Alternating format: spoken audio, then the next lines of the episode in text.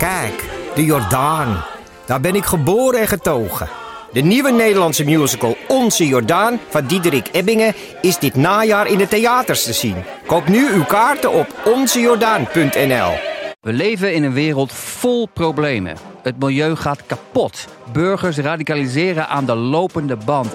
Poetin is een dictator, Biden is dement, Trump is een crimineel. En de tuin van Huberto Tan schijnt een zootje te zijn. Dus dit is het moment voor twee comedians, Vera van Zelm en Sander van op Zeeland, om de wereld te veranderen.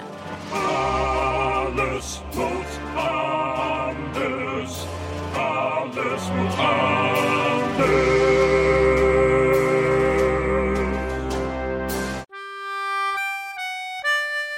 Dit is Man met de microfoon. Met echte, ik weet het al bijna niet meer, het is zo lang geleden. Echte en bijna echte verhalen uit een stadswijk. En ik ben Chris Baayema. Die kinderen werden een beetje agressief van die pop. En die pop was ook heel agressief. Dat is een alter ego van mij waarschijnlijk. Ik heb eigenlijk het dorp een beetje meegenomen naar de stad. Dus als zodra ik binnenkwam als puber, begon, liep ik echt op mijn teen en was ik op mijn hoede. Lag opeens een vrouw op bed. Ja, doch schon, aber äh, allein ist nicht einsam. Ja, na een week was het aan. En dat was voor mij een nieuwe gebeurtenis. Welkom bij een nieuwe aflevering van Man met de microfoon. Het heeft heel lang geduurd. Nou ja, er was natuurlijk wel een kersthoorspel, maar een gewone aflevering van Man met de microfoon duurde een beetje lang. Eh, het had ermee te maken, ja, ik dacht, ik kan nu inmiddels waarschijnlijk wel heel makkelijk een sponsor vinden. Dat viel een beetje tegen. Het goede nieuws is wel dat ik voor volgend jaar wel alvast een sponsor heb gevonden. Eh, en daarnaast, eh, in oktober, is mijn hele computer gedelete. Die wilde ik laten upgraden, dat ging mis. Eh, dus alles was verdwenen van mijn computer. Alle opnames, mijn archief met gesprekken die ik ooit misschien nog wilde gebruiken. Ehm, nou, dat heb ik inmiddels achter me gelaten. Ik ga gewoon moedig voorwaarts. Want ik had ook een heel leuk idee. Ik dacht, ik wil ehm, eigenlijk iets terugdoen voor mijn eigen buurt. Want jullie luisteren allemaal naar de podcast. Maar ik heb natuurlijk in mijn eigen buurt heel veel mensen die mijn podcast helemaal niet kennen. En ik dacht, ik wil een tastbare plek maken in mijn eigen omgeving waar mensen elkaar kunnen ontmoeten.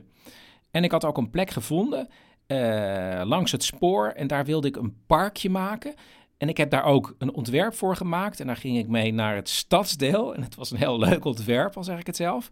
En toen zeiden die mensen van het stadsdeel: hartstikke leuk idee. Maar wie zegt dat de mensen in de buurt dat ook willen? Daar moet je eerst contact mee maken. En toen dacht ik: oh ja, natuurlijk. Dus dat parkje, dat gaat er komen. Maar heel langzaam en stapje voor stapje. En dat ga je ook, als het goed is, volgen in mijn podcast. Maar goed, het allereerste stapje was dat ik uh, naar de bibliotheek ging. Want die grenst aan de plek waar ik mijn parkje wil maken. Maar stel jezelf even voor. Ik ben Hetty van de bibliotheek. En ik kwam hier binnen en ik zei: Ik wil aan de overkant een parkje maken. En toen zag ik jullie ogen oplichten, ja. samen met jouw collega. Ja, wij zouden daar heel enthousiast over zijn. Want wij vinden de buitenkant van de bibliotheek nu een beetje haveloos. En we zouden er heel graag uh, geveltuinen. Dat het aansluit op jouw idee van een park. Ja, en we hebben binnen al planten staan. Hè? Die hebben we van publiek uit de buurt gekregen. Die hebben de planten geschonken aan de bibliotheek. Dat ze thuis te groot werden of omdat ze te veel hadden. Dus, ja, is echt leuk. Op een gegeven moment kwam uh, mevrouw Kabel, die kwam vragen of we haar palm wilde overnemen, want die paste niet meer in haar huis. En toen zijn meer mensen planten komen brengen. Ik bel even kort met mevrouw Kabel. Met wie spreek ik? Met Chris Baayema. En wie is dat? Ja, ik ben ja, de man met de microfoon. wie ben ik? Ik, een, uh, Uh, ik leg uit, ik ben de man met de microfoon en zij is de vrouw met de allereerste plant voor de bibliotheek. Hij was te groot en, eh, en het was gewoon, er zat een mooie stek aan, die had ik weer gepot. En ik dacht, ja, waar, waar moet hij nou naartoe? Nou, naar de bieb. Het was dan niet gezellig en Hetty had last van die ontzettende felle oranje vloer. En dat is ook zo, dat stuitte tegen je ogen. Dat is niet bepaald goed hoor. Ja. En nu is het groener geworden. Ja, en iets wat aangenamer. Dus het is een plantenpiep. En ik weet nog wel in het begin dat zei, ja het mag eigenlijk helemaal niet, maar we doen maar net alsof onze neus bloedt. Hè, van de hoofdbibliotheek, we gaan gewoon door. En eh, nou, dat heeft ze goed gedaan. Je voelt je altijd prettiger met planten om je heen. Dus altijd huiselijker. Hoe zien jullie de functie van jullie bibliotheek eigenlijk? Nou, we willen heel graag dingen met de buurt doen. Echt voor de buurt te zijn. Dat ze zich hier eh, welkom en thuis voelen. Maar hoe ben je, ik bedoel, je bent waarschijnlijk in de bibliotheek beland uit omdat je van boeken hield, toch? Ja, dat, was, dat is, zo is het begonnen, ja, omdat ik van boeken hield. Maar ik kom van een dorp en ik heb heel erg, denk ik, dat het dorpse toch wel eh, in me. Dat je mensen kent en een praatje met ze maakt. Of dat, ik heb eigenlijk het dorp een beetje meegenomen naar de stad. Het leek me eigenlijk ideaal om in de aanloop naar mijn parkje eerst eens een tijd lang te gaan zitten in de bibliotheek. En daarom is dit aflevering 27 getiteld De Plantenbiep. En wie komen er nou allemaal in de biep? Nou, bijvoorbeeld dat 15-jarige meisje met haar medescholier om een werkstuk te maken. En hebben jullie er even hard aan gewerkt, denk je? Nou, ik denk dat ik er wel iets meer aan heb gewerkt. Ja, daarom zitten we hier nu ook samen, want dan kan ik tegen hem zeggen, je moet nu werken eraan. De meneer die iedere week een uurtje gaat zitten om een meneer uit Eritrea de Nederlandse taal te leren. En hij wil er graag over vertellen, maar hij ziet mijn apparatuur volgens mij niet. wat die meneer zegt? Volg je Oh, nou, wat die meneer zegt? het kan natuurlijk een keer misgaan. Die meneer die, meneer die maakt, oh, sorry, Of twee keer. opnames van mensen. En dan is er de mid-dertiger die heel serieus aan het studeren is. Ik eh, doe eh, de PABO als zijinstromer. En ik eh, ben aan het leren over de praktische taaldidactiek voor het basisonderwijs. De belastingconsulent die liever niet thuis alleen gaat zitten werken, maar gewoon tussen de mensen wil zitten. Sommigen zitten de hele dag, zoals ik wel eens. Of de hele dag, ik zit hier meestal een uur of drie, vier achter elkaar. En anderen komen even een half uurtje binnen, andere vijf minuten om even een boek terug te brengen. Maar het is, het is heel dynamisch. En de koffie is eh, best wel te drinken en maar 50 cent, als, als de automaat het doet. Maar natuurlijk ook mensen die gewoon een boek lezen. Welk, u was een boek aan het lezen? Ja, ik lees al heel lang uh, Lawrence of Arabia. T.E. Lawrence. Was vroeger een heel beroemde film met Peter O'Toole. Ik lees de boeken van de man zelf, van de echte Lawrence. En het is, die man is niet van de straat. Maar hoe vaak zitten we in de piep dan om dat boek te lezen? Nou, eh, één, twee keer per week. En Omdat- lekker koffie drinken hier. En ik lees, begin altijd lekker met de krant te lezen. Kijk, ik ga zaterdags naar Artes. Dan zit ik dinsdags of woensdags of donderdags hier. Ik zeg ook tegen hun, ik zeg, dat is voor mij. Dit en Artes, dat maakt dat ik het zo goed verder aan kan ook alleen. Is het een huiskamer voor u? Het is eigenlijk een soort huiskamer.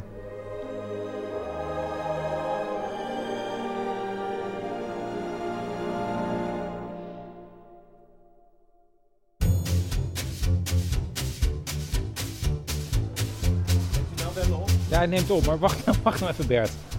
Wacht even, ja. Eh, je hebt gebeld en je hebt gezegd het gaat niet over de marketing, maar... Nee, het gaat deze keer niet over marketing Bert, maar over de mens Bert. Oké, wat heeft de mens Bert voor ons in petto? Ehm, ik heb een parttime baan als eh, vrijwilliger. Leg uit. Ja, omdat het deze keer over de bibliotheek gaat, Ja. dacht ik van misschien is het wel leuk dat ik... eh, ehm, nou ja, ik ben sinds kort officieel boekenmaatje. Boekenmaatje? Ja. Wat is dat? Nou ja, ik breng boeken naar gehandicapten en eenzame bejaarden. Hè, en dat doe ik dus nu vanaf nu elke maandagochtend. Oh, en het is maandagochtend en, daar, en daarom belde je? Ja. Oh, oké. Anders moet je gewoon iets doen. Weet je? Ja. ja. Hé, maar Bert, is, is het niet zo dat die marketing Bert, valt die ook weer niet binnen de mens Bert eigenlijk? Precies. Het zou zomaar kunnen dat de mens Bert een behoorlijk positieve impuls gaat geven aan het merk man met de microfoon. Als je begrijpt wat ik bedoel.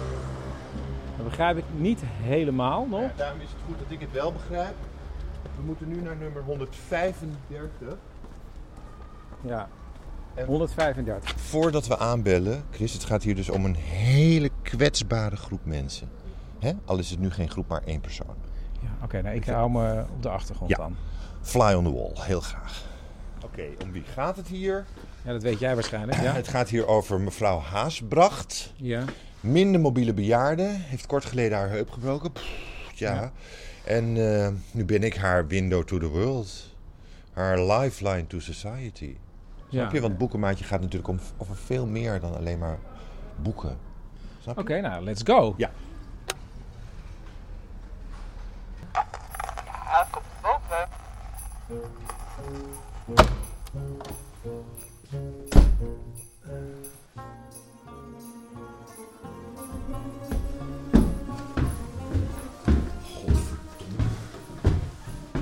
Trappen kun je maken in een huis? Dat is met een tas vol met loodzware boeken.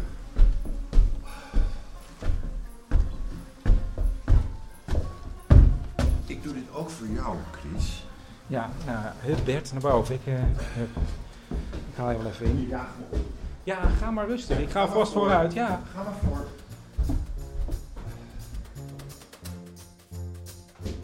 Ben jij Bert van de bibliotheek? Nee, nee ik ben Chris. Oh. Dit, eh, Bert komt er nu aan. Daar is Bert. Hallo, mevrouw Haasbracht. Hallo. Daar ben ik. Boekenmaatje Bert. Ah. En wat woont u hier vast ontzettend leuk.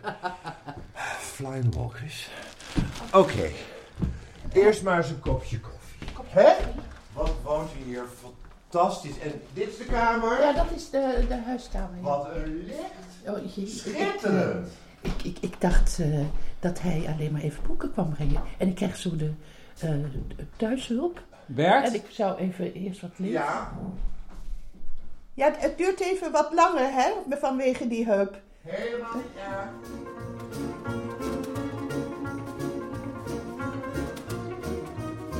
Oké. U had twee boeken op uw lijstje staan. Ja, dat klopt. Sowieso dat boek van Colson Whitehead. Ja, zoiets. En iets Japans? Ja, eh, Blinde Wil, Slapende Vrouw van Murakami. Origami. Ja. Wat? Zo heb ik het onthouden.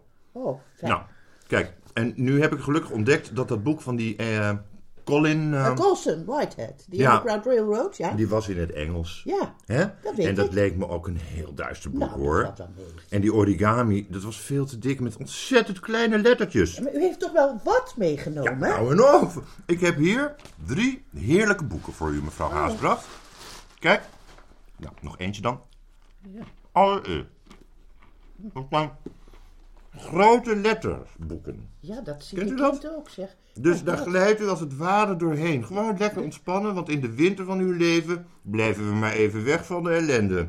Toch? U heeft de Tweede Wereldoorlog nog meegemaakt.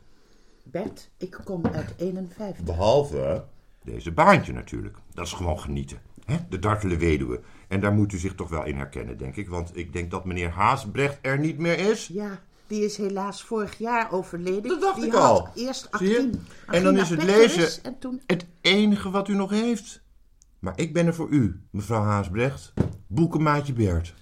Chris, Bert, eh, ja. jij hier toch, Chris, zou jij eh, Bert Ja, even hey? Bert, eh, ik weet niet. De, oh, eh, de batterijen. De Mevrouw batterijen zijn Haasbrecht, open. de bat- batterijen zijn op, dus we moeten even weg. maar Nou, dan komen we weer terug. Nee, we hebben het wel, Bert. We hebben het wel. We hebben Oh. genoeg. Oké. Nou, dan gaan we weer. Oh, fijn. Echt heel fijn. Ik doe wat ik kan, mevrouw Haasbrecht. Nog eentje dan.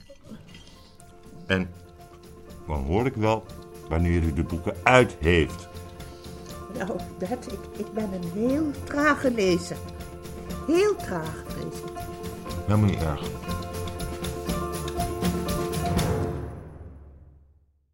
Mijn vriendin die eh, leende ook altijd boeken. dacht ik, ja, waarom ook niet? Was er altijd een beetje vies van. Maar van, van gebruikte boeken, die zijn, zijn, vaak een beetje smerig. Ik maak ze dan schoon. Niet, niet per, per bladzijde natuurlijk. Maar de kaft en de, de buitenkant een beetje. En dan, Dus, het dus het allemaal liefst, het liefst leest u eh, boeken van een jaar oud. Ja, het liefst wel. Dat, ze net, als ik, dat ik de eerste ben, dat is het mooiste natuurlijk. Vlak naast de koffieautomaat is een meneer vrij hard met een mevrouw aan het praten. En ik ga kijken wat er aan de hand is. En ik hoor iets over een computer die stuk is. Wacht even, uw computer is stuk? Nee, haar computer is stuk. Ik was blij dat ik er zag. Oh, daar ben je gelukkig weer. Ja, mijn computer was stuk. Nou, dan, als je computer stuk gaat dus, dan ben je helemaal geïsoleerd van de mensen. Die mevrouw wil eigenlijk niks voor mijn microfoon zeggen, maar die meneer, hij heet Jan Dijk, nodigde me eigenlijk meteen uit bij hem thuis. Ik ga naar hem toe en bij hem thuis vertelt hij bij een kopje thee dat hij de zoon is van een dominee en dat hij zelf gepensioneerd huisarts is. En omdat we elkaar bij de bibliotheek ontmoeten, vraag ik hem of hij vroeger veel las. Weet je, domineeskinderen lezen altijd wel veel, want je wordt opgevoed met een boek. Maar vooral de Bijbel was een grote... De Bijbel was niet dat je dat las je niet, die hanteerde, die gebruikte je. Wij lazen. Er werd voor het eten aan tafel het Bijbel gelezen, dat deden wij. Ik kan nog altijd alle Bijbelboeken in volgorde opnoemen, dat zit er gewoon in. Begin maar. Dat doe ik nu niet. Dat, eh, Nou dat ja, doe- dat doe is ik hartstikke leuk. Ja, maar- Genesis. Ja, dat, is extra, dat weet iedereen. Extra Leviticus. Maar ik ga het nu niet doen. Ik ken ze gewoon allemaal. Ik kan Maar zeg nou even een rijtje, dat is toch leuk? Dan kan ik het eronder monteren als ik het gebruik.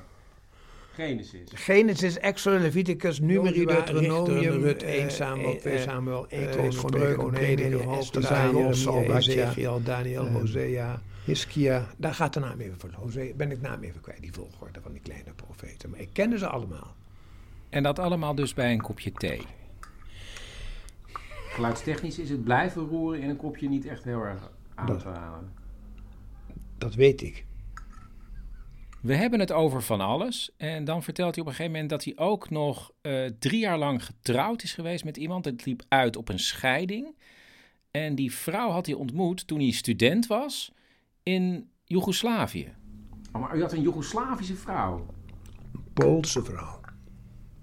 We waren allebei in het buitenland. Pas op die manier kon ik tot resultaat komen. Zo denk ik dat. Het kon ook niet goed gaan op den duur. Maar u was heel slecht met de vrouwen? Nou ja, ik ben een beetje laadbloeier in eh, dat soort dingen door. En dat ik als kind drie jaar op bed lag met tuberculose. En dat heeft mij een beetje een trage start gegeven. Als je als peuter in bed ligt zonder te spelen, mis je iets. Daar ben ik meer een boekenmens dan een ander mens. En weet ik heel veel. Te veel, daar ben ik ook in moe van. Ik wou dat ik minder wist. Ik weet te veel. Maar het gekke is, u las dus, u wist alles van de wereld uit de boeken eigenlijk, maar niet in het leven zelf. Dat is een goede formulering. Dat, zo voel ik dat zelf ook. Je wist het intellectueel maar, maar ontbrak een beetje aan de gevoelsinhoud. U was onhandig. Onhandig en misschien een, klein beetje buiten de wereld. Puberteit heb ik nooit gehad. Misschien moet die nog komen, dat weet ik niet. Kom, maak een grapje. Goed, terug naar de tijd dat hij de Poolse vrouw ontmoette. En dan schrijven we 19... 69. De tijd van de Koude Oorlog, het ijzeren gordijn. En toen belandde hij als medisch student in Joegoslavië. Ik kon eh, toen één maand gratis kosten en woning in een stad in Europa. als je elke ochtend in het academisch ziekenhuis een beetje meeliep. Dat kon in allerlei steden, kon dat. Ik koos toen Sarajevo uit. En in Sarajevo woont hij op een etage samen met een student uit Noorwegen en een student uit Polen. Dat is een, eh, ja, een toekomstige tandarts. En op een dag komt Jan thuis in het appartement. En toen? Lag opeens een vrouw op bed. Lag er opeens een vrouw op bed. Het was een kennis van de Poolse tandarts. En Jan, die altijd heel stuntelig was geweest met vrouwen en eigenlijk niet wist wat hij ermee aan moest, ja, raakte met haar aan de praat. En, en Jan? Ja, na een week was het aan. Dat was voor mij een nieuwe gebeurtenis. Ze waren vriend en vriendin. Maar hoe zat het dan met die Poolse tandarts? Hoe dat zat, ik weet het niet precies. nog. Eigenlijk weet ik het nog helemaal niet. Ik was ook een beetje naïef in die tijd en niet iemand die doorvroeg. Ja, het gekke is, er was op zich wel iets om door te vragen. Want het gekke was, Jan was dus vriend van een Poolse vrouw. Maar die Poolse vrouw ging op een gegeven moment nog wel een weekendje weg met de Poolse man. Met die tandarts gingen ze met z'n tweeën naar een schiereilandje in de buurt. En wat dacht hij toen? Ik dacht, ik ga er naartoe. En? Ik ging met de trein ging ik naar de kust. Plotje, ik weet nog hoe dat heet daar, waar die, dat pont weer naar dat Schiereiland ging. in dat plotje, in de hete zon, las ik een boek. Een volkomen onbekend boek. Ik las dat kennelijk niet met aandacht, maar ik las het daar wel. Goed, ik heb ze niet kunnen vinden, maar ze waren nog een strandje verder. Meer teruggegaan naar huis, onverrichte zaken en zo. Maar goed, dat was zo die dag. Toen ik dat boek thuis nog eens opnieuw ging lezen, een aantal jaren geleden, dacht ik, verdorie. Daar stond precies mijn verhaal in. Met een waarschuwing. Alleen, ik las het toen niet goed. Ik had het gewoon goed moeten lezen. Wat stond erin? Nou, op het vergelijkbare van een vrouw buitenland op een boot. En toen, het herkende mijn hele verhaal in dat boek. Maar wat had hij eruit kunnen leren? Dat je dus niet met buitenlandse vrouwen met dubieuze afkomst om moet gaan. Ja, maar het is natuurlijk ook een beetje de vraag of zijn jongere zelf zo'n boodschap wel uit dat boek had kunnen halen. Want ja. Maar u heeft het niet goed gelezen. Maar het, wist, het was al wel raar dat zij met die man op dat eiland zat. Laat maar. Heeft u ooit in uw leven aan haar gevraagd of ze samen een relatie hadden? Nee, nooit gedaan. Nooit gevraagd of dat hoe dat zat. Nee. Maar oké, dus die, zullen we zeggen, de vrouw met wie u uiteindelijk getrouwd bent, was dat ook uw allereerste vriendin, zou maar zeggen? Allereerste relatie. Allereerste seksuele relatie. En een vakantieliefde meer was dat niet. Maar hoe oud was u? Ik was, ja, maar 22, maar emotioneel was ik 16. Zou het zo zeggen? Emotioneel liep ik zwaar achter. Maar, Maar goed, wij zijn met elkaar getrouwd en best een paar goede jaren gekend. Ik denk dat ze alle betrekkingen verder heeft verbroken omdat ze naar Nederland toe kon komen, voor zover er met hem iets was.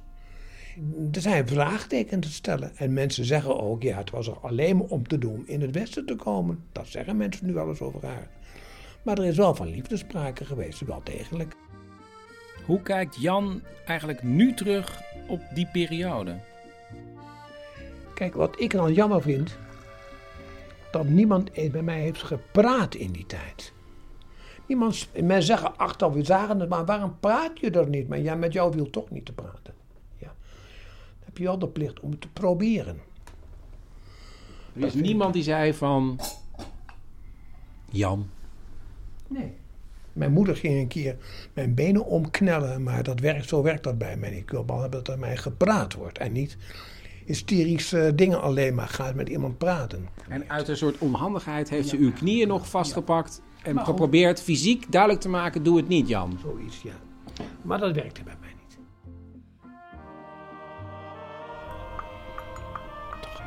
niet. Te veel roeren. Maar het rare is, dus als je als domineeszoon opgroeit met de Bijbel als leidraad en vervolgens eigenlijk erachter komt dat boekenwijsheid helemaal geen leidraad kan zijn voor het echte leven. Nee, dat denk ik ook dat het niet echt altijd werkt. Nee, dat is ook zo. Ik dat, oh, ja, mag ik even die thee roeren, alsjeblieft? Nou, ik zeg iets heel waars eigenlijk volgens mij. Zeker voor een domineeszoon. Nee, dat geloof ik ook. Dat boeken, het, eh, je wordt niet wijs van een boek. Je, wordt alleen, je mag het, moet het wel doen, maar je moet daarnaast ook een stuk levenservaring op hebben. Je moet het, eh, dingen ook in het leven beleven. En boeken alleen maak je niet tot mens.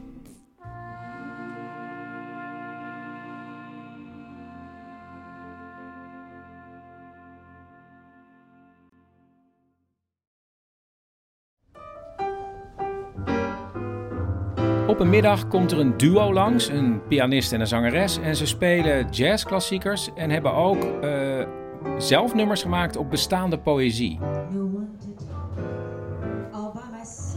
En na het eerste nummer reageren de tien aanwezigen, wat oudere mensen, enthousiast. Maar er is één meneer die heeft meteen commentaar. En wat zou u... Als zij zingt, ja, je hoort het niet heel goed. Maar als ze zingt is het iets te hard. Oké, kun je een beetje... Nou, ja, dat is een aardige aanwijzing. Maar daarna zegt hij ook nog dat ze eigenlijk helemaal niet goed zingt. Want ze heeft nogal de neiging om naar binnen te zingen. Maar voor de rest was het een prachtig nummer. Uitstekend. We hebben een professional in de zaal. Ik stap op de fiets naar de stad. Ze gaan moedig verder met hun eigen nummers. Maar dan is op een gegeven moment de meneer er weer. Ja, die zegt dat zij eigenlijk helemaal niet goed zingt. Want ze zingt met scherpe klanken, de F en de S. En dus ja, ook al probeert ze intiem te zijn, ze moet toch die microfoon iets verder weghalen. En dan ontstaat er gemor in de groep. We zitten hier voor onze lol, zegt de mevrouw. En de pianist, heel slim, zet gewoon een nieuw nummer in. Iedere woensdagmiddag om 4 uur leest Marloes van de bibliotheek voor aan de kinderen. En ze doet het op zo'n manier dat ze de kinderen er ook bij betrekt. Of een man met een microfoon. Maar wie bent u? Hij schrikt heel erg van deze meneer. Help! En de spin rent heel hard weg. Zie je dat? Marloes heeft haar hele leven al een hang naar het theatrale gehad. En dat begon al heel lang geleden toen ze als kind keek naar het programma Stuive Zin, waarin kinderen als echte artiesten konden optreden. Ik eh, leerde op een gegeven moment door stuiverzin leerde ik buik spreken. Ja, ik kan buik spreken. Ik, heb er niks, ik doe er niks meer mee haast hoor. Ik had ook zo'n pop met zo'n mond, weet je wel. Zo'n hele enge, zo'n Chucky pop. Dat wist ik helemaal niet hoor. De, toen, toen, toen was, hij was eng. Hij had rood haar, net zo'n haar als ik eigenlijk. Of zo omhoog, niet, niet zo'n kleur, maar wel omhoog zo staand. Hij leek eigenlijk wel een beetje op, maar een beetje een enge pop was het. Ja, maar ik heb er wel wat mee gedaan. Maar ik werd er op een gegeven moment moe van. Omdat als je dat de hele tijd doet met je keel, het gaat zo hè. jou. Zo deed ik het. En eh, ja, dat is een. Uh... Hij doet het nog eens? Hi, ik hou van jou. Ik kan heel goed praten zo. Kijk daar. Maar dit is, wat jij doet, is helemaal geen officiële techniek, Marloes. Nee, is een keeltechniek. Dus ik denk dat ik het niet te... Ik dacht toen al, op een gegeven moment niet, ik wil het niet te vaak doen. En toen ben ik daar, toen was ik al wat ouder. En toen zijn we daar, dan ben ik daar, nam ik dan een, naar speciale gelegenheden. Ik heb het wel eens met Sinterklaas gedaan. Maar ik vond het nooit zo leuk. Ik weet niet, ik, ik vond het nooit zo leuk om te doen. Ja, ik weet ook niet waarom. Die kinderen werden een beetje agressief van die pop. En die pop was ook heel agressief. Dat is een alter ego van mij waarschijnlijk. Want die was altijd die zei ook bijvoorbeeld: hou je grote bek, zei hij dan bijvoorbeeld. Want dat kon ik goed zeggen. Hou, hou je grote bek. Ja. Je kan mijn keel zien bewegen, kijk maar. Ja, kijk. Zie je het? Ik kan heel goed dat spreken. Maar je kan niet alles zeggen, hè? dus dat is het punt. Ik kon ook niet alles zeggen, dat is ook frustrerend. Maar houd je bek kon je wel zeggen? Ja, dat kon ik heel goed zeggen. Dus daarom, dat, dat, was, dat, dat waren net van die dingen. Dat werden die kinderen, die werden allemaal helemaal, want die gingen die pop slaan, weet je wel. Dus uh, op een gegeven moment dacht ik, nee, ik wil het niet meer. Ik wil, ik wil het anders doen. En toen ben ik kindertheater gaan doen.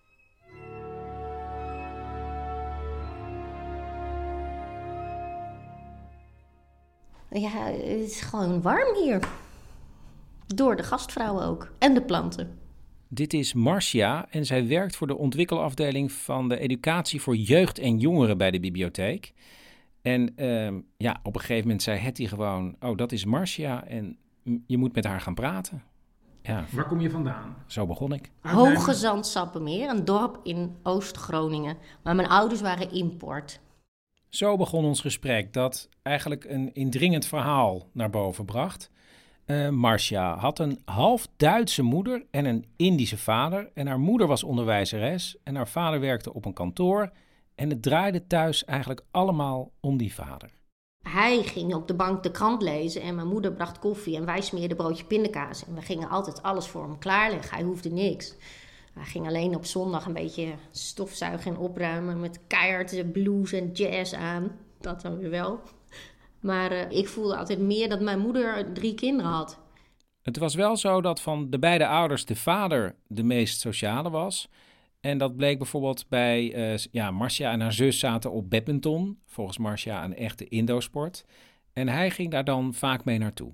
En dan zat mijn vader daar in de kantine met andere Indo's alleen maar. Oh, Adoe lekker, wat heb je gegeten? Adoe lekker, zeg. Ja, nee, die nazi van en bla bla, altijd dat. dat, dat krijgen, dat is wel iets positiefs wat ik daarvan heb meegekregen. Mijn vader was wel heel sociaal en de Indo's praten dan heel, veel over eten. Toch herinnert Marcia zich vooral het feit dat haar vader manisch-depressief was. En in zijn geval betekende dat dat er in het gezin altijd een soort spanning heerste. Alsof er iets gaat gebeuren. Maar er gebeurt niks. Omdat als hij ziek werd, uh, je wist nooit hoe die was. Hoe de sfeer thuis was. Of hij explosief was of niet. Dus als, zodra ik binnenkwam als puber begonnen, liep ik echt op mijn en was ik op mijn hoede. Eigenlijk sloeg hij met woorden. Hij was ook vreselijk lief. Maar als hij ziek was, sloeg hij met woorden. En een psycholoog heeft wel eens gezegd...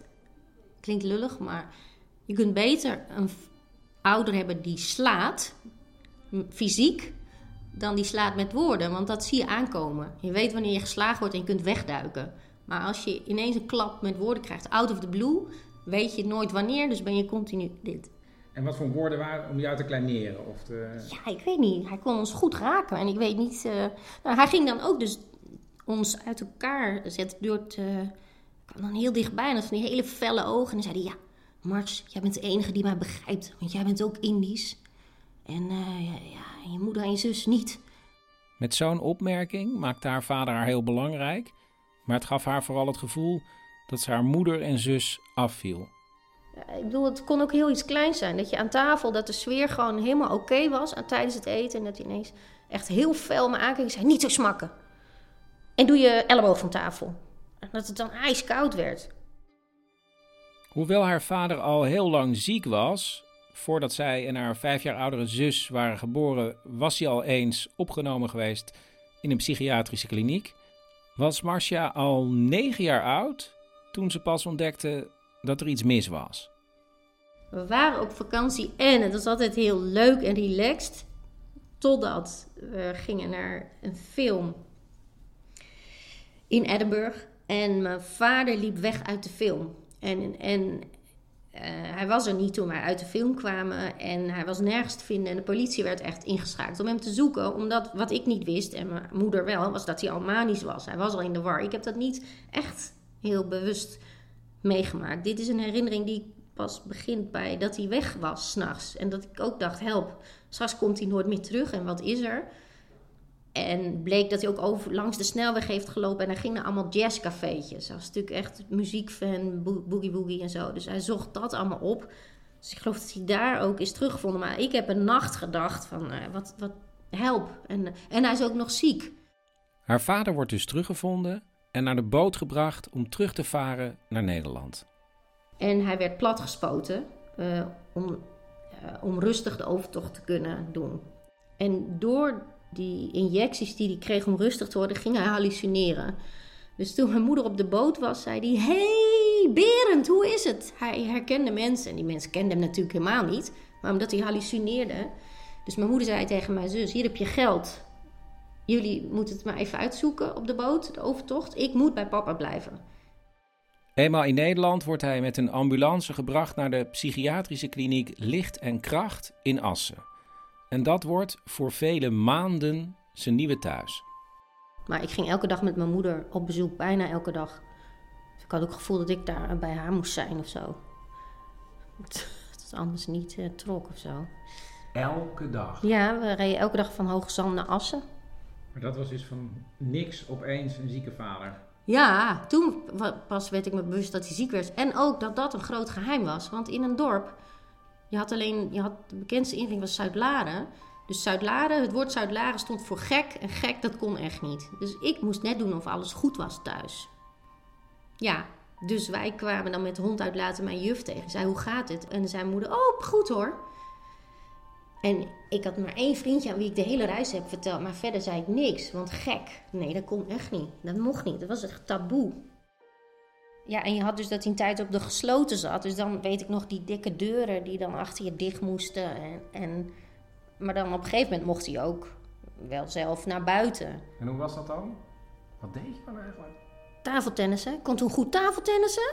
Ja, maar echt. Was een, ze hadden daar tafeltennistafels, ook een bowlingbaan. Dat is echt een dorp apart. Ik, ben, ik had daar ook nog een fietsje. Ja, ik had daar een fietsje. En ik weet nog dat mijn, vader ook daar iets mee had gedaan. Want toen waren crossfietsen heel hip. En er was gewoon een kinderfietsje. En toen had hij eh, bij het lassen of zo had het stuur voor mij hoog gezet. En hij had van dat eh, isoleer voor om verwarmingsbuizen. Dat had hij om de stangen van mijn fiets gedaan. Zodat het net een crossfiets leek. Dus dat was heel leuk. Ik cross daar met dat ding over het terrein in de zomer. Alleen als het dan een feest was, dan was mijn zus wel mee. Maar al die gekkies, die, die gingen dan dansen. Eén die net als een balletdanseres was. Die ander stond met koffie en ging dan zo doen. Ja, het was, heel, het was net of je in een soort geheime parallelle wereld leefde. Met al die mensen daar om je heen. En ergens vond ik het ook gezellig dat, dat daar zijn. En dan dat tafeltennissen. En behalve als hij dan depressief werd. Dan stond hij daar. En met zijn schouders naar beneden was het, was het bezoektijd voorbij. En zei hij tegen mij, ik wil met jullie mee. Ik wil mee naar huis. En dan stond hij huilend daar te zwaaien. Terwijl ik dan, dan bleef ik zo lang mogelijk kijken. Eh, en wij moesten weg. En dat vond ik echt afschuwelijk. Dat vond ik echt heel, heel zielig voor hem. Dat hij daar dan moest blijven. Ja. Moest je steeds schakelen dan ook? Ik bedoel, want je had een soort... Op school zei je er niks over? Of wel? Nee, nee. Weet niet of ik daar moest schakelen, van de inrichting naar huis. Ik weet alleen dat ik als puber moest schakelen, van de middelbare school naar huis. Nou ja, en dan of je kunt ademhalen of je blijft echt zo van, oh, wat gaat er gebeuren? Haar vader komt weer thuis. En in de jaren daarna gaat het soms heel goed. Maar soms gaat het ook slecht en wordt hij weer opgenomen. En er is zelfs een periode dat ze stiekem achter in de auto een koffertje hebben liggen. Zodat ze, als het echt niet meer kan thuis, heel snel hem naar de kliniek kunnen rijden. Zodat hij daar kan worden opgenomen. En als Marcia 17 jaar is, gaat ze om de spanningen thuis te ontlopen op zichzelf wonen. En het was ook raar. Ik weet nog toen ik een tijd op kamers was, dat ik de kindertelefoon heb gehad. En ik zei, ja, ik kan niet goed uitleggen, maar het is zo stil, het is zo rustig. Wat moet ik doen? Ik kwam pas later achter. Ik dacht, daar kreeg ik ineens ruimte voor mezelf. Maar dan was ik niet gewend. Uiteindelijk besluit ook haar moeder los van haar vader te gaan wonen. Ze, ze kreeg geen contact meer. Dus zij is toen ergens anders gaan wonen en heeft alles in het oude huis intact gelaten, zodat hij maar niet in de war zou raken. Maar hij kon gewoon echt niet voor zichzelf zorgen. Hij ging dan rond etenstijd naar de buren. Dus op een gegeven moment moest hij wel, en hij was steeds meer in de war. Ehm, ging hij wel naar, daar naar licht en kracht en ging hij semi-zelfstandig. In zo'n groep ging hij dan wonen daar. Marcia kan zich nog goed herinneren hoe hij haar op een dag met zijn fiets ophaalde bij station Assen toen ze hem kwam bezoeken. Hij stond daar op mij te wachten en zijn jas was niet, zijn rits was niet goed dicht. Dus ik weet nog dat ik ze heb geholpen en dat ik de rits van zijn jas dicht heb gemaakt. En toen stapte ze op de fiets om naar de kliniek te gaan. En zat ik achter op de fiets en ik zat nooit. Ik voelde me nooit een kind bij hem. Altijd voelde ik me verantwoordelijk voor hem. Dus ik voelde me heel erg ineens, ik ben een kind, want ik zit achter op de fiets bij hem. En hij ging heel erg wiebelen en pof, toen viel hij om. En toen keek ik en zijn gezicht trok. Uh, en ik dacht dat hij een epileptische aanval had. Dacht hij, maar hij reageerde niet meer. En toen dacht ik, als ik hem optil, dan is hij er weer. Dus ik heb geprobeerd, hij was heel licht, hem te tillen. Maar dat lukte niet, hij was heel zwaar. En ik ben naar het dichtstbijzijnde huis gerend. Maar daar woonde een bejaard stel. Dus voor mijn gevoel duurde het een uur voordat hij bij de deur waren. Toen mocht ik hun telefoon gebruiken. En ik ben teruggerend en toen stonden er allemaal mensen om hem heen. En iemand was hem aan het reanimeren. En uh, toen was er een, een, een, broeder van het ambulancepersoneel die zei... Ja, of nee, van de politie. Van kom maar even mee, dit is niet leuk om te zien. Maar dan gaan ze van die shock dingen doen.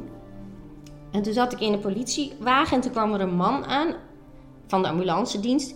Zoals ik me altijd God had voorgesteld. Die had een enorm lange baard. En die zei, ja, sorry, we kunnen niks meer voor hem doen. En het was, het was echt, zoals ze zeggen, toen werd alles onwerkelijk. Toen dacht ik dat ik zat in de auto en werd naar het politiebureau gebracht, zodat ik mijn moeder kon bellen.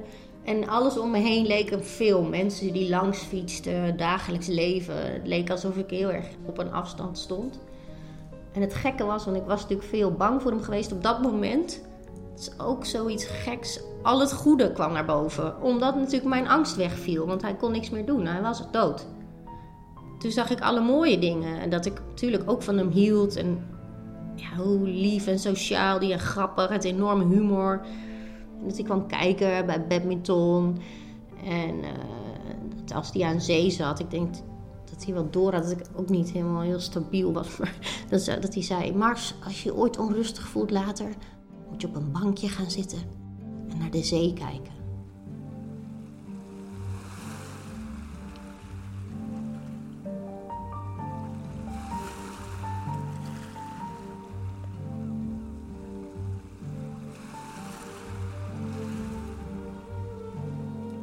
Ik heb een dochter en als ik me verdrietig voel of angstig, dan uh, verstopte ik me in het begin. Ik dacht nee, omdat ik zo beschadigd was of zo bang ben geweest voor die kant van hem. Dat ik, ik moet uh, haar absoluut niet lastigvallen, want dan krijgen ze iets van mee. Toen zei mijn ex, ja, maar zij moet dat zien. Want zij ziet dan ook dat het weer overgaat. Dat hoort bij het leven. En ik dacht, nee, dat moet ik, moet ik verstoppen. Want ja, bang dat ik dezelfde impact op mijn kind zou hebben als mijn vader op mij. Dat ik heb me heel erg met hem vergeleken. Ja, ik ben iemand anders.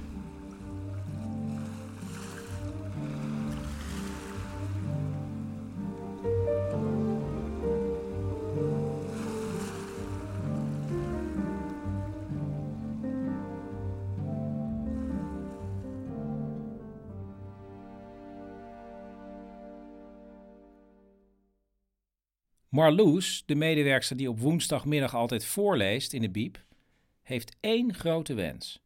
Kijk, wat ik zou willen is, ik wil, oh, ik wil zo graag een boek schrijven. Een heel leuk prentenboek, hè? dus niet een moeilijk boek, want dat is toch wel heel veel. Een prentenboek wil ik schrijven. Waar gaat het boek over? Of weet je nog niet? Nee, ik denk dat het boek, wat ik nu denk, ik heb een paar boeken. Ik heb een boek uh, dat ik, waarvan ik denk, dat moet ik ook nog schrijven. Een meisje met heel weinig haar. Dat ben ik zelf natuurlijk. Dat vind ik leuk. En het is een sprookje van een meisje dat graag meer haar wil. Heb, ben ik al aan begonnen, maar nog helemaal niet af. En ik had ook een heel leuke titel. Ik dacht, Het kind van de yogaleraar. Vond ik ook een uh, leuke titel. Daar heb ik nog niks over bedacht. Maar nu dacht ik, nu wil ik een, uh, een boek gaan schrijven over een boek dat op een plank ligt en huilt. Omdat hij niet gelezen wordt. Ja, en dat, is, dat vond ik eigenlijk heel goed in deze tijd. Niemand kijkt erin, maar het is een heel goed boek. Alles staat daarin. Alleen op de wereld, de negerhut van de oom Tom. Zo'n encyclopedisch, encyclopedisch boek. Ja, daarom leest lees niet, niemand Nee, het. maar het moet gewoon een goed boek zijn, wat niemand nog gelezen Ja. heeft. Niet, het moet geen verzameling Maar zijn. dat weet ik nog niet. Ik, nee, ik maar dat verzin zeg het nu alvast. Ja, jij zegt het maar, maar je weet niet wat ik ga schrijven. Tel Dus, even eh, gewoon, maak het nu even af, het boek dat huilt. Nee, dat heb ik nog niet, ben ik helemaal nog niet aan begonnen. Alleen het boek dat huilt, weet ja, je. er komt een meisje op een gegeven moment. Die wordt in dat boek getrokken, dat weet ik wel. Maar verder weet ik ook nog niet wat het En die meisje... kan ziet dan inderdaad van, hé, hey, het is wel een boek wat, wat, wat ja, precies. Maar ik weet het, eh, dat is het interessante ervan. Dat je, je wilt weten hoe het eindigt. Een goed boek, hè, een prentenboek, moet heel kort zijn, grappig. Het moet een goede plot hebben, maar ook een goed einde. Anders wordt het zo... eh, Het boek dat huilt, binnenkort bij u in de... Ja, binnenkort. Bij, maar nee, maar er moet ook iemand... Kijk, een prentenboek staat of valt met tekeningen. En ik wil heel veel verhalen Maar je eigenlijk wil nu al tekeningen bij een verhaal wat nog niet af is. Nee, dat weet ik wel. Maar dat moet ook. Daarom duurt het nog heel lang. Maar we, we kunnen toch nu het boek dat huilt? Nee, hou gaat op. jij. ja, nee, dat mij, weet ik nog helemaal niet. Ja, maar nu, als je het nu Nee, zou moeten ik bedenken. kan je wel dat andere boek eh, Nee, vertellen. het boek dat huilt ik nee, een goed boek. Nee, het wordt een goed boek. En niet die, die, die- die- het kind van de yoga-leraar vind ik een heel slecht boek. Nou, dat weet jij niet. Dat wordt Maar een die heel titel leuk- is niet goed. Jawel. Maar het boek dat huilt is wel een goede titel. Ja, het boek dat huilt. Ik zou je eh, focus, zou ik willen zeggen. Ja, nou ja, dat is een beetje ook mijn probleem. Ik focus.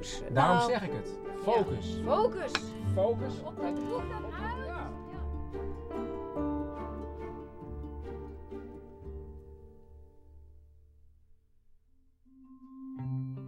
Na twee weken begin ik de vaste gasten van de bibliotheek te herkennen.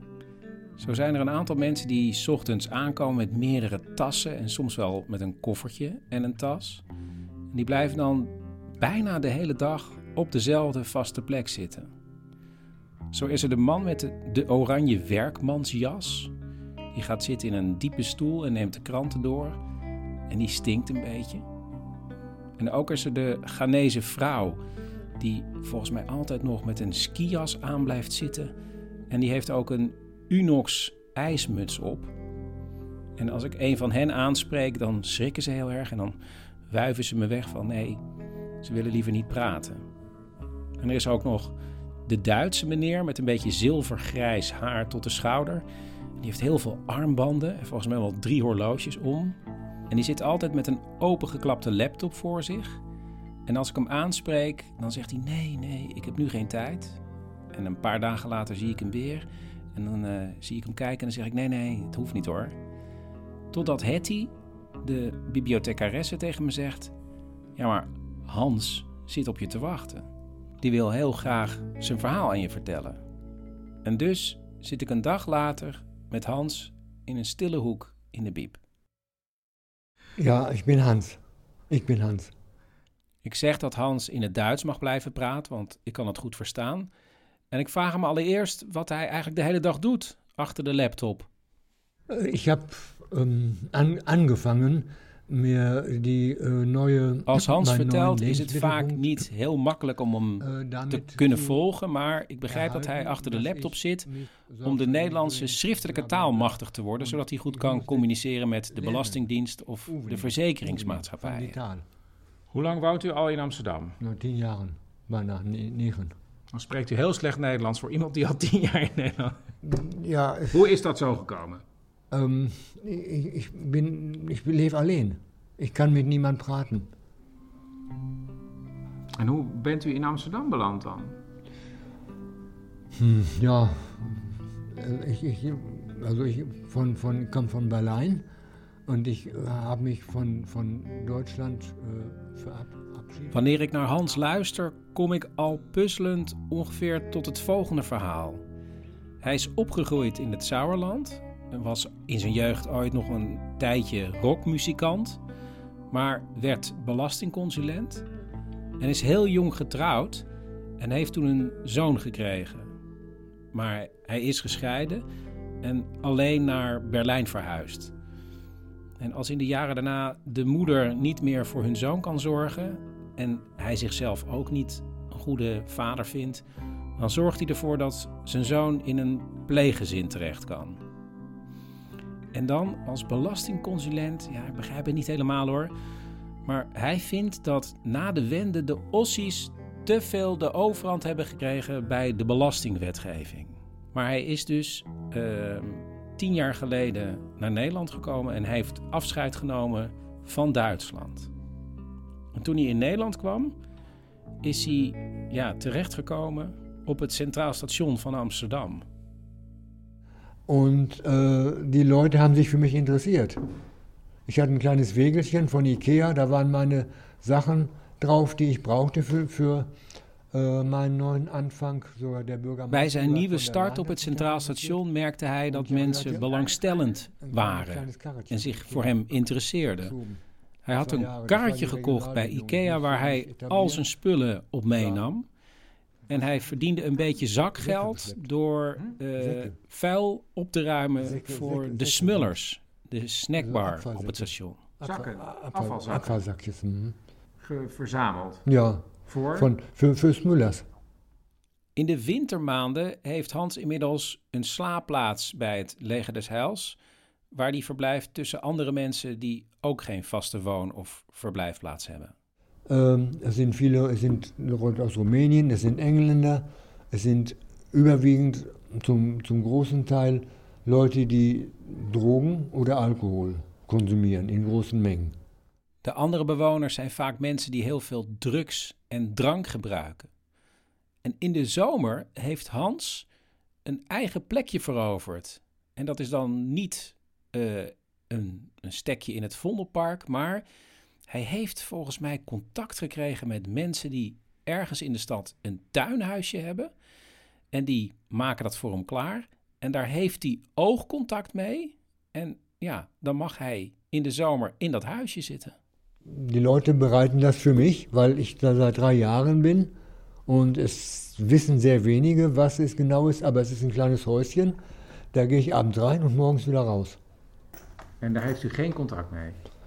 Nur mit die Ohren. Ja, dat is toch heel bijzonder? Ja, ja klar.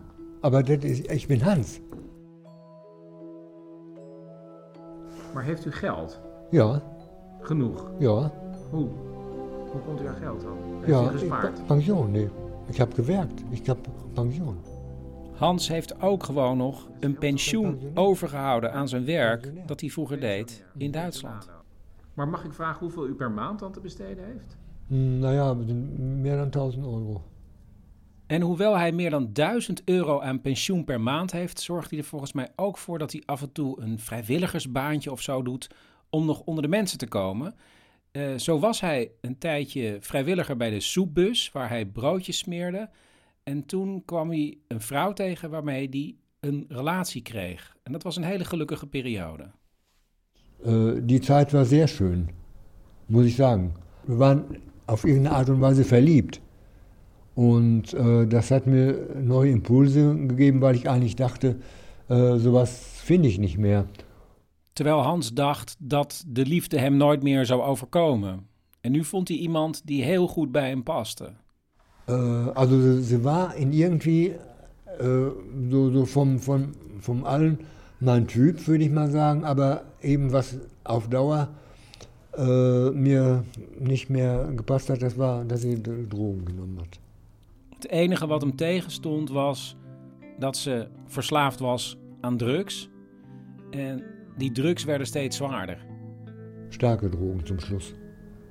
Und das waren wahrscheinlich, äh, sie hat die Welt gesehen und ich denke, sie hat die Drogen gebraucht als für sie Medizin. Hij begreep dat zij die drugs gebruikte om de wereld aan te kunnen. Maar toch zag hij zich genoodzaakt om die relatie te verbreken. En nu is hij dus alweer een hele tijd alleen. Nichts ist, nichts ist für ewig. Maar u bent dus altijd alleen. Ja, waarom niet? Maar uw hele leven al. Ja, waarom Als niet? kind ook al. Ja. En, maar zeiden uw ouders niet van, eh, waarom neem je wat vrienden mee naar huis? Ja, doch schon, aber äh, allein ist nicht einsam. En dus zit Hans vrijwel elke dag in zijn eentje in de bibliotheek. En dan komt hij 's ochtends binnen en dan gaat hij zitten, meestal op een vaste plek. Dan klapt hij zijn laptop open en volgens mij is vanaf dat moment de bibliotheek zijn kantoor. En hij is heel erg geïnteresseerd in regels en wetten. Dus als hij bijvoorbeeld wordt weggestuurd bij de Albert Heijn omdat hij daar alleen koffie zou drinken, dan maakt hij zich sterk en dan laat hij allemaal bonnetjes zien van de afgelopen acht dagen dat hij dingen heeft gekocht bij de Albert Heijn. Dus dan vecht hij daartegen. Hetzelfde doet hij als hij wordt weggestuurd op het station, als hij daar volgens mensen te lang zou verblijven. En neem bijvoorbeeld de koffieautomaat in de bibliotheek. Mensen drinken koffie en als hij wordt aangesproken omdat hij een boterham eet, zegt hij: hey, hey, een koffieautomaat, dat is een voedselmachine. En dat betekent, koffie is voedsel, maar een boterham ook. En dus mag ik mijn boterham ook hier gewoon opeten. En dan krijgt hij ze gelijk en dan voelt hij zich volgens mij vooral gezien. Ich bin nicht deutsche Mist, ich bin äh, korrekt, aufrichtig, ehrlich und stabil. Hans is, zegt hij, geen uitschot, maar correct, oprecht en stabiel. En als hij klaar is in de bibliotheek, gaat hij vaak naar het zwembad waar hij een abonnement heeft. En dan blijkt hoe belangrijk de kleine gesprekken zijn die hij daar heeft over bijvoorbeeld de zwemtijden of het programma in het zwembad. Es, äh, ist ein, es ist ein bestimmtes Programm, es ist Disco-Musik und dadurch kommen alleine schon Gespräche, was ist wo, was ist wann, Okay. was ist wie. Aber Deswegen es gehe sind sehr kleine Gespräche. ja, aber kleine Gespräche, aber das ist, ähm, wie soll ich sagen, das ist, das ist, das ist auch eine Art Freundschaft. Ja, das ist eine Art Freundschaft. Das ist auch eine Art Liebe. Liebe nicht mit, mit, äh, mit sexuellem Hintergrund, das ist eine Liebe, äh, jemanden zu, wiederzusehen. De kleine gesprekken bij het zwembad worden door Hans gezien als vriendschap en zelfs als liefde. Dit vind ik Das mooi dat u dat zegt. Das, das, das ist ein Gefühl, das ist, wie soll ich sagen? Oké. maar Davon daar- habe ich, das habe ich jeder, das, wenn, es, wenn es darum geht, das Gefühl, das habe ich jeden Tag fast. Der ist nicht flüchtig, der ist wie ein Feuer, das brennt. Het vluchtige contact, het snelle oogcontact, het voelt voor Hans als een vuur dat brandt. Ten slotte probeer ik aan Hans te vragen hoe hij zich nu voelt, of hij zich gelukkig voelt. Wenn ich sage, ich bin zufrieden, das heißt nicht, dass ich glücklich bin. Es kommen Leute an und sagen, Hans, bist du jetzt glücklich? Ich sage, nein, ich bin nicht glücklich, ich bin zufrieden. Hans is niet gelukkig, maar tevreden. En wanneer ik hem vraag wanneer hij het gelukkigst was, moet hij heel lang nadenken. En dan zegt hij dat dat 30 jaar geleden was, toen hij zijn zoon voor het laatst gezien heeft. Zijn zoon was bij een pleeggezin, werd ouder, ging in dienst en toen hij daaruit kwam, heeft hij een jaar bij zijn vader gewoond. Und irgendwo habe ich dann gemerkt, dass er dann nach einem Jahr sagte, Alter, weißt du was, jetzt bin ich so weit, jetzt kann ich es alleine. Und dann, dann muss denken, da könnte ich heulen.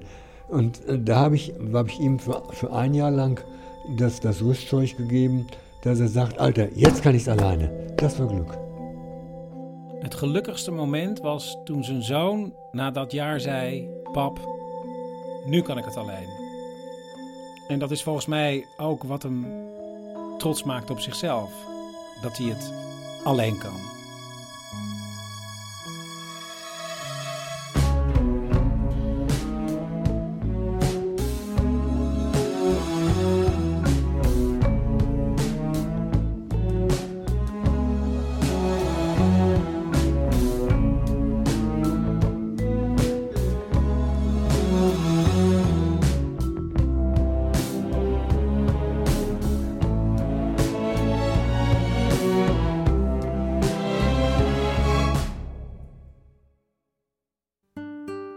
Dit was aflevering 27 van Man met de microfoon. En meegewerkt hebben Bert Kommerij en Cecile Heuyer.